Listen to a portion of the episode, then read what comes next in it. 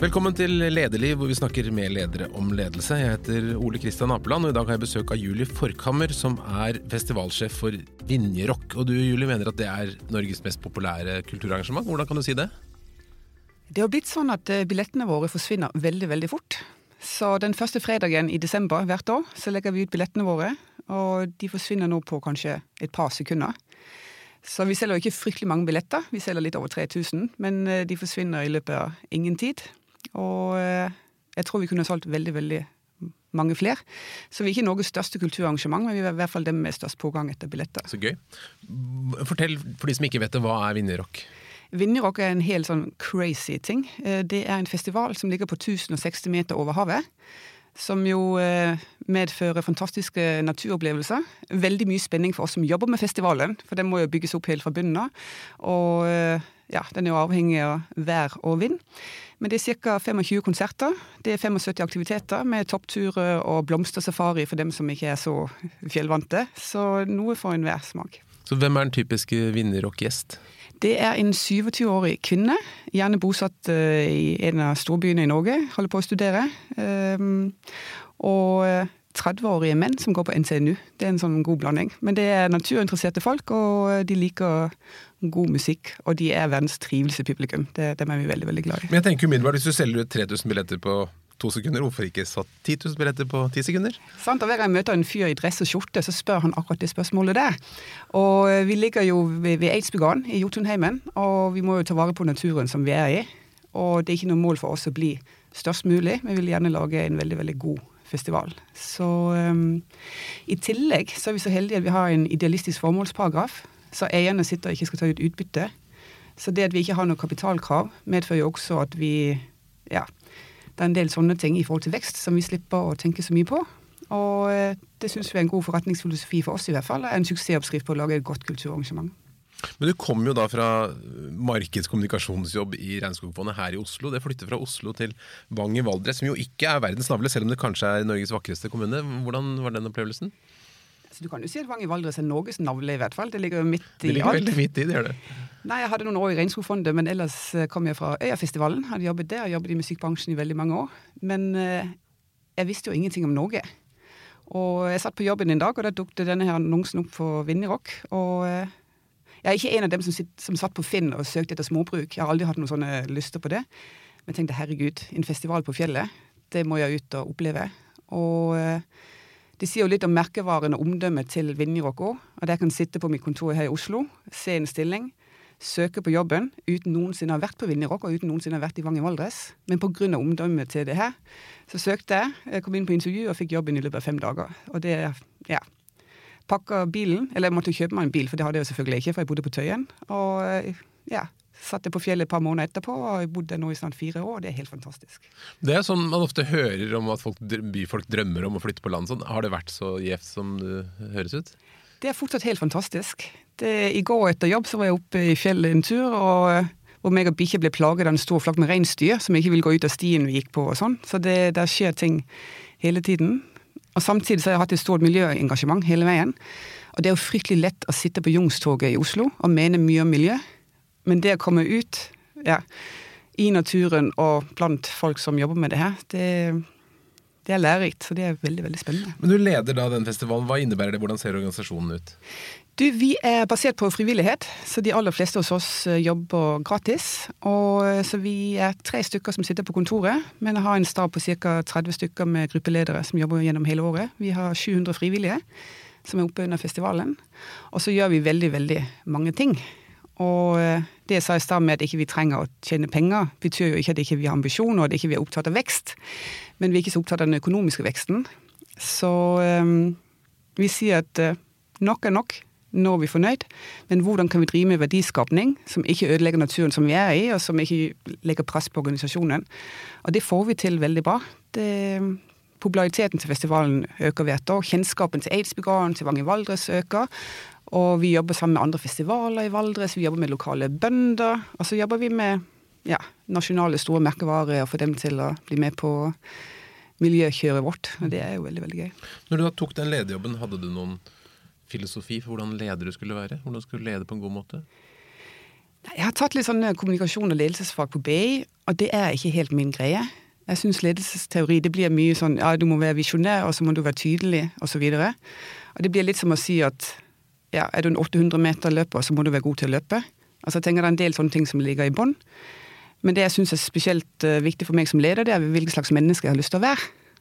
Altså hvilke verdier har jeg i hverdagen. Og um, hvordan kan jeg jobbe i en organisasjon eller et sted som, hvor jeg får lov å ja, jobbe med de, og hvor jeg får lov å bli et bedre menneske og være med og sørge for at uh, den verden her blir litt bedre for dem som kommer etter oss. Så din personlige eh, måte å være på mener du er en viktig del av lederrollen? Absolutt. Jeg har alltid fått vite at jeg er veldig dårlig i jobber som jeg ikke brenner for. Og så kan jeg være veldig mye bedre i jobber som jeg brenner for, og det gjør jeg heldigvis for den jobben her. Har du, når har du selv opplevd god ledelse? Har du gode, gode minner fra når du har blitt ledet på en bra måte? Hvordan ser det ut? Jeg var veldig heldig i Regnskogfondet og får jobbe med veldig mange spennende mennesker der. Og eh, da hadde jeg allerede jobbet 15 år i musikkbransjen, som jo er en fantastisk bransje, men eh, ja, mye ymse, ymse former for ledelse der. Men da kom jeg til Regnskogfondet og møtte folk og ledere som var både velutdannet og sympatiske, men som også var modige og turde å stå for noe. Og eh, Regnskogfondet hadde i over 20 år en leder som het Lars Løvold, som nå har gått av, som eh, jeg lærte veldig mye av, som jeg prøver å ta med meg eh, videre. Hva da konkret? Nei, det med å mene ting. Og det er jo kanskje litt det jeg savner i det norske næringsliv. At uh, alle snakker om bærekraft, og alle snakker om hvor viktig det er, og CSE og samfunnsansvar. Men når det kommer til stykket, så Ja. Så um, Så du mener det er litt overfladisk? Ja, det er enormt overfladisk. Um, og det var ikke Regnskogfondet. Og jeg kan gi et eksempel her. Som um, eksempel da Freya tidligere i år ble kåret til vinner av omdømmekåringen ja, deres. Ja, ja. Hvor uh, Og jeg tenker at det er jo bare bullshit. Det, ok, De har klart det, et eller annet PR-byrå eller kommunikasjonsbyrå, jeg vet ikke om det er dere eller hvem det er, har klart, har klart å få det norske folk til å tro at Freia er et lite stykke Norge, og at de, og de har sunne verdier. Men hvor mange tiår er det siden Freia for det første var eid på norske hender? Og for det andre så har jeg sjøl sett hva den palmeoljen som de bruker, hva det medfører av katastrofer ute i regnskogen, spesielt i Indonesia og Sørøst-Asia. Og um, Nå tror jeg de prøver å si at det er bærekraftig og riktig på Sant, for det har de sikkert fått vite de skal si, og da lurer jeg på om de er dumme eller slemme. For du trenger bare et Google-søk eller en tur i regnskogen for å se at det finnes ikke bærekraftig sertifisert palmeolje. Vi skal få Freia-sjefen senere skulle spørre om hun er dum eller slem, men, men, men er, mener du det at alle som bruker palmeolje nødvendigvis gjør noe galt? Ja, det gjør jeg. I hvert fall på nåværende tidspunkt. Den... Øh, da jeg begynte i Regnskogfondet, noe av det første jeg gjorde der, var å bli med på en tur til Borneo i Sørøst-Asia, som jo har vært et fantastisk sted for biologisk mangfold og regnskog og urfolk. Og da å kjøre gjennom områder som akkurat blitt flatehogget fordi de skulle plante palmeolje eller oljepalmer der, er noe av det mest dramatiske jeg har opplevd i hele mitt liv. Og um, i disse områdene hvor dette skjer, det er så uoversiktlig i forhold til altså hvor palmeoljen kommer fra, hvordan den produseres. Og den sertifiseringen er det jo palmeoljebransjen sjøl som står for. Og det er ikke Guds beste barn som driver det. Mm. Men, men, dette er vel litt betegnende for mange ting på, på miljø- og bærekraftsiden. at ja, vi vet at palmeolje kanskje ikke er det beste, men sjokoladen er så godt, så vi tar det likevel. Ja, ja, jeg vet at det er dårlig å fly, men jeg har så lyst på en tur til Syden. Altså, Den derre kampen som mange av oss står i, da, mellom det gode og, og det gode og det riktige, og så lager man seg vel forklaringer og unnskyldninger på hvorfor man skal få lov til å gjøre det. Ja, og jeg tenker det jeg sa i stad med å være en leder i forhold til hvilke mennesker du har lyst til å være. Og de tingene her tenker jeg på hver morgen når jeg våkner. For jeg våkner hver morgen og tenker i dag skal bli en bedre utgave av meg sjøl. Og så mislykkes jeg jo fullstendig med det ganske ofte. Men jeg tenker man må jo prøve. Og spesielt vi som ledere har et ekstra ansvar. Vi har et ekstra ansvar for å tenke moral og etikk, og tenke, følge de tankerekkene helt ut, og konsekvensene i det. Og eh, Nida og andre har jo klart å lage påskeegg uten palmeolje i, så jeg er sikker på at Freya også klarer det. Det, det er et spørsmål om vilje. Men, men, hvis vi tar det videre, du sier du, du vil stå for de verdiene du er en sånn leder. Hva betyr det i praksis eh, f.eks. på rekruttering eller måten du behandler ansatte på? Det betyr f.eks. at uh, vi har tilgang på veldig, veldig gode folk. Fordi folk ser at vi er hel ved. Og vi snakker om natur, vi snakker om bærekraft, vi snakker om inkludering, og vi mener det faktisk. Um, så folk har lyst til å jobbe med oss. Og jeg ser spesielt på de unge folkene vi rekrutterer, altså de som er rundt 20 eller litt oppover. Altså For dem så betyr det noe, og at vi er tøffe nok til å ta en del valg, setter de pris på. Så jeg ser på det som en positiv ting. Det blir vanskelig når man må begrense folks flybruk. Mm. Det er noe med Ja, det er fortsatt veldig veldig personlig og står sterkt hos folk.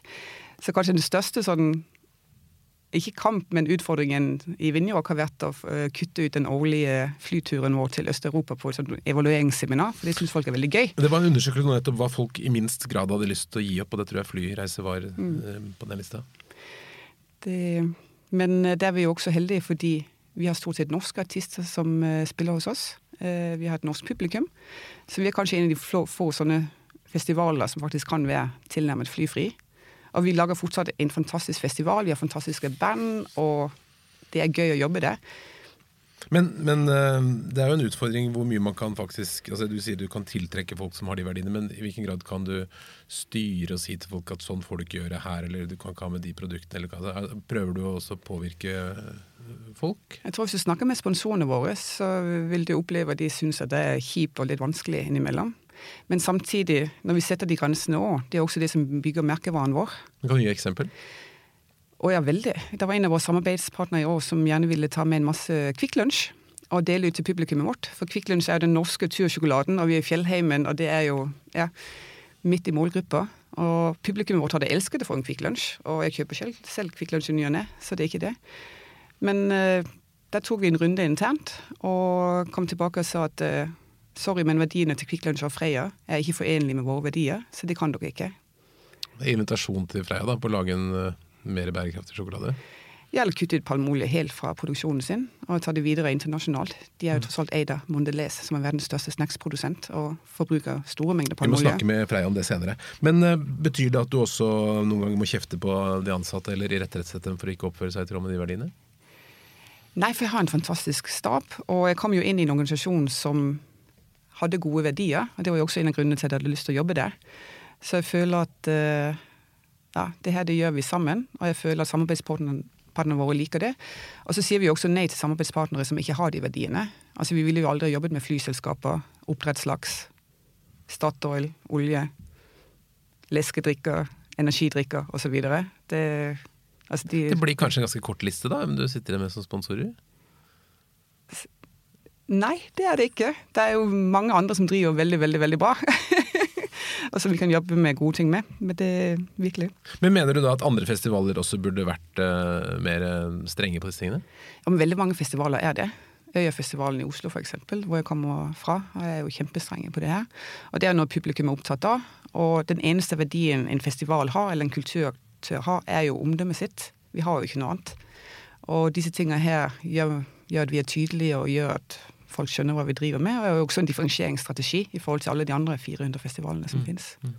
Så når de andre blir flinkere, så må dere bli enda flinkere? da? Ja, ja, ja. Så nå ser vi at andre festivaler begynner sånn ja, vi skal bli 100% plastfri, og vi skal gjøre ditt og datt, og det er jo kjempegøy. Så vi driver sånn og ja, konkurrerer på det. Spennende.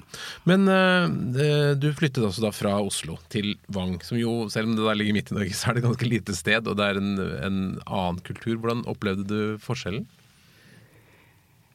Nei, Forskjellen var mer da jeg skjønte at jeg ikke kunne noen ting. Um, jeg var god til å sitte på Youngstorget og mene ting og ferdes i bransjesammenhenger og sånn.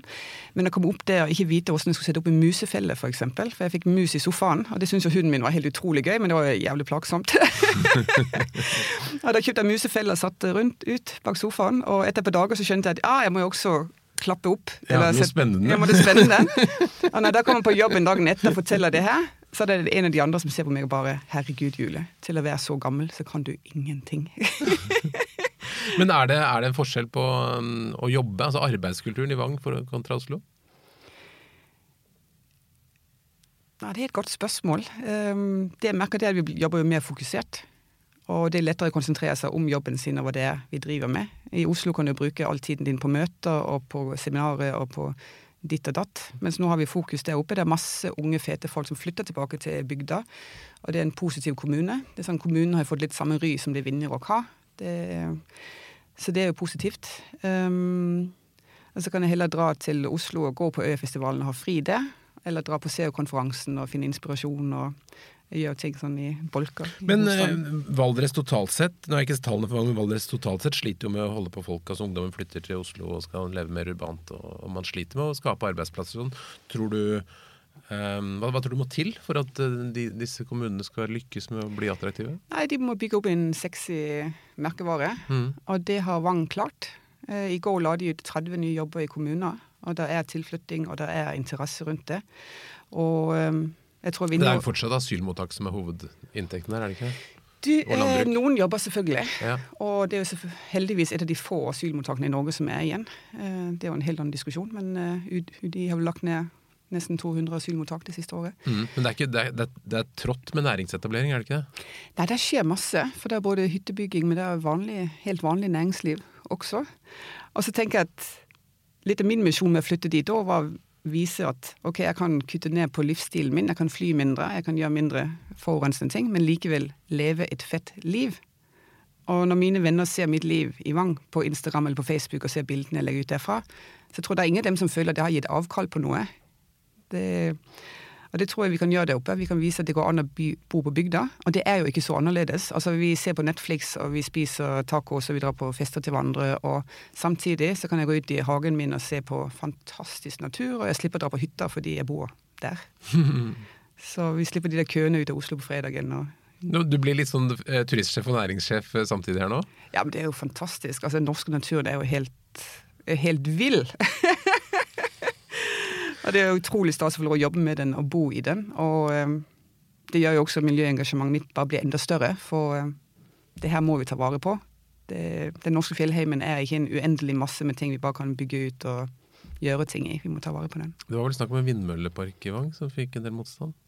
Ja, Det vet jeg ikke, det Det norsk, men det blåser mye der, så Ja, det er ikke noen dum idé. Men uh, har du gjort noen feil uh, i denne kulturskiftet som du har lært av? Det, jeg måtte i hvert fall lære meg at uh, alle kjenner alle, og at folk driver med veldig mye ymse ting. Og så uh, Jeg vet ikke om det er fordi jeg er dansk eller kommer fra sånn gammel sånn rock, alternativ rockebransje, men uh, den sarkasmen min slår jo ikke like heldig ut, alltid. Man, ja. Eh, så jeg må jo prøve å være litt, litt hyggeligere med folk, men det jobber med. Men folk er stort sett hyggelige og tåler det meste, så det, det går veldig bra. Men du jobber jo da med eh, som du sa, Overvekten av dine ansatte hvis vi kan kalle det, er jo frivillig. Hva er det som må til for å drive frivillig? Hvordan får du frem engasjement i dem? Eh, Mange av dem er interessert i friluftsliv, og det får de gjort oppe hos oss. Eh, Det er det engasjementet de får kommet seg på festivalen, for ellers hadde de kanskje ikke fått eh, billett. Men vi gjør masse ting. Her Forrige helg for eksempel, samlet vi 100 av våre frivillige til et treff oppe på Tynholmen, som ligger ved Eidsbugarden, hvor vi både danste og hadde noe faglig, og møttes og spiste og hadde det veldig bra. Så oppfølging av de frivillige, de skal føle seg trygge, de skal ha det bra. Og de er fete folk, og de møter andre fete folk, så det går veldig bra. Vi er en av de festivalene som har lange ventelister på å bli frivillig. Så Det er interessant. Det kan, Ja. Kanskje du kan begynne å ta betalt for det også? ja, det At det kan være. Men ellers når det gjelder det å være leder, så det jeg kanskje har blitt mest inspirert av, sånn, det er boka til Yvonne Jonat, sjefen for Patagonia, eh, som har skrevet en bok som heter Let my people go surfing, som er helt fantastisk bra. Altså Jeg kommer aldri til å lese en ledelsesbok igjen, men som tar for seg akkurat det der med problemet med at du faktisk produserer ting, men du har lyst til å redde verden samtidig, som eh, Patagonia har gjort veldig, veldig bra. Og det er en grunn til at Patagonia kanskje er det heteste klesmerket i friluftsbransjen nå. Altså, var i hvert fall her i Oslo rundt omkring. Du ser alle hipsterne går rundt med Patagonia-caps, og det er ja, av ledelsesfilosofien og det de driver med. Mm. Det- Vi hadde Jørgen Jørgensen fra Norrøna her for en stund siden, og han tror jeg hadde latt seg inspirere veldig av det. Av dem. Uh, for det, det, jeg syns jeg ser et uh, at, at de følger litt i sporene til Patagonia. Ja, men det er samtidig også et litt sånn typisk norsk eh, næringslivsfenomen at de sier at eh, ja, men bærekraft er veldig veldig viktig for oss, og her har vi et eller annet produkt som er litt sånn økologisk. Men samtidig så beregner de 20% vekst i driften sin de neste årene. Og de to tingene der lar seg ikke nødvendigvis forene. Og Hvorfor ikke det? Man kan vel vokse og være bærekraftig? ja, men alt du produserer, har, en, har et CO2-utslipp bak seg. Det er jo mer bærekraftig å ikke kjøpe noe. Ja, men Hvis man kjøper noe som blir varig, og som erstatter noe som blir kortsiktig, så er det riktig? Ja, men Hvor mange jakker trenger du, og hvor lenge skal de vare? Det, og hvor bra er kvaliteten egentlig? Og spesielt nordmenn er jo helt gale etter friluftsting. Så det var kanskje en, den største overraskelsen med å begynne å jobbe med Vinjerock, var å komme inn og se hvordan friluftsbransjen fungerer. Mm. Som var veldig veldig annerledes enn jeg kanskje hadde trodd. Fortell litt hva du syns var annerledes. Nei, det, det, er fortsatt mye fokus på utstyr. Og på ja, ting du trenger, ulike typer ski. Um, og jeg har møtt fantastisk mange hyggelige mennesker i friluftsbransjen, men den er ikke spesielt inkluderende. Det er veldig mye hvite, tynne, rike folk som ser bra ut, og du ser stort sett bare ryggen på dem på bildene som disse produsentene legger ut, eller, og DNT også. Og um, vi jobber mye med å få inn folk ulik, med ulik bakgrunn, f.eks., uh, eh, ute i naturen. Og jeg vet DNT også jobber med det, selvfølgelig, men uh, og DNT har jo voldsom vekst og er ja, god driv. Ja, det er kjempebra. Men, Men jeg frykter når vi ser et klasseskille på dem som klarer å komme seg ut på det friluftsnivået, mm. at uh, jeg frykter at norsk friluftsliv kan bli den nye jappetida. Mm. At det blir en sånn sosial markør på ja, hvilke sosioøkonomiske forhold du kommer fra. Hva skal man gjøre med det? Nei, prøv med Vinjerock, f.eks. Det er mm. også en grunn til at vi ikke øker billettprisene våre. For det er også noe som menn i dress ofte spør meg. at Når vi selger ut så fort, så må dere jo bare doble billettprisen. Og det er sånn Nei, det vil vi ikke. Vi vil ha unge studenter, gjerne folk som ikke er lommer fulle og spent, til å komme opp til oss og oppleve naturen. Og når det gjelder Nå bruker jeg deg som eksempel, det er jo litt dårlig gjort, men når det gjelder menn i 50-årene, næringslivsledere, så har de noe kulturtilbud i Norge. Det, de, er, de, er, selvfølgelig velkomne på Vinjerock hvis de kommer dit, men det er ikke dem som er målgruppa vår. Men litt tilbake til den ledelsesboken som har gjort sånn inntrykk på deg. Hva, hva, er det du satt igjen med etter å ha lest den? Nei, Jeg satt igjen med at vi kan bli enda tøffere. Uh, virkelig. Og at man kan gå enda mer i dybden på ting. Og tidligere så var det jo nærings- uh, eller ledelsesfilosofi det med do no harm. Og det var bra nok. Men det er ikke bra nok lenger. Nå må du over på do good. Nå må faktisk uh, Ja. Du kan ikke ha en 20 vekst hvert år og tro det fortsatt er gjør noe godt i denne verden. Hvordan ser du for deg at uh, Vinjerock skal fortsette om noen år? Jeg tenker Vi skal bli enda mer tydelige. Vi skal gjøre enda mer lokalt. Vi har begynt nå å gjøre flere arrangementer i løpet av året. Vi jobber med asylmottaket. Arrangerer en endagsfestival der hvert år som heter Vårt nabolag. Sammen med Oslo World. Og, eh, og vi inviterer folk inn i bakgården og har konserter, og folk lager mat osv. Og, så og det er kjempegøy. Vi har begynt med byttemarked på friluftsutstyr. Vi har begynt på reparasjonsverkstedet friluftsutstyr. Og eh, de tingene der er kjempegøye å holde på med. Og vi har arrangementserfaring, og vi har mulighet til å gjøre det. Så vi kan gjøre enda flere sånne ting. Og så kan vi reise rundt og fortelle om hvilken kommersiell suksess Vinjerock er. Selv om vi ikke har stor økonomisk vekst hvert år, selv om vi jobber etter andre parameter. Så er det næringsliv, og det er verdiøkning i det. Men nå er det vel, jeg føler litt sånn alle bygder har sin festival nå. Selv om dere gjør det bra, så er det, er det nesten ikke et sted som ikke har sin festival. Er det, er det plass til alle? Nei, det er jo ikke alle som blir. Så det er jo sånn eh, darwinisme i praksis, det der med det norske festivallivet. Det er veldig veldig mange nå. Men eh, desto viktigere er det vel at ja, man skiller seg ut og gjør sin egen greie, og ikke prøver å lage festivaler for alle hele tiden. Og eh, det er sikkert også en del som har gitt oss kritikk, fordi nå får vi mye publikum fra Oslo, og vi får mye sånne Oslo-hipstere. Og det syns jo kanskje ikke alltid bygdefolk er like gøy, at det kommer sånne ja, At vi booker unge norske band, for eksempel, og ikke noen om Hellbillies. Jeg liker Hellbillies, men det er 300 andre festivaler de kan spille på, hvor folk kan reise og se de. Det vil vi ta noen som er litt yngre. Mm. Spennende. Når, når, du, da kommer unge folk til deg, kanskje frivillig, som også har lyst til å bli gode ledere og kanskje lede Vinderrock etter at du er ferdig med det, hvilke råd vil du gi dem for å bli gode ledere? Altså, Da holder jeg dem nede, for de må ikke komme og ta min jobb. Du, eh, de får jo masse ledelseserfaring hos oss, og det er ikke alltid jeg kan gi dem så mye råd. Eh, det, mange av dem er flinke og må lære ting eh, hen av veien. Det vi prøver å gjøre, er å ha gode samlinger, opplyse om hva vi driver med, og få ut mest mulig info.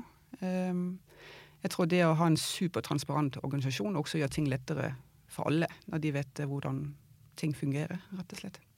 Men hva er de tre viktigste lederrådene du skulle, gitt til en ung person som har lyst til å bli leder? Nei, da kan jeg bare si at uh, Finn ut av hvilken måte du har lyst til å redde verden på, og så gå og gjør det. Så kanskje du blir leder underveis, men det, det er ikke drivkraften. hans. Du snakker mye om miljø. Altså, er, er miljøengasjement er det, der, er det der fremtiden ligger hvis man skal være en god leder?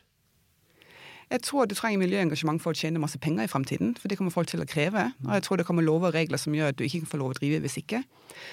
Og her tidligere i år så var jeg innom en møbelkjede, en produsent som heter Slettvoll, som lå på Skøyen. Og de har andre butikker i Norge òg. Der kom jeg inn i butikken, og der står det et stort, flott teakbord. Uh, som et hagemøbel de skal selge.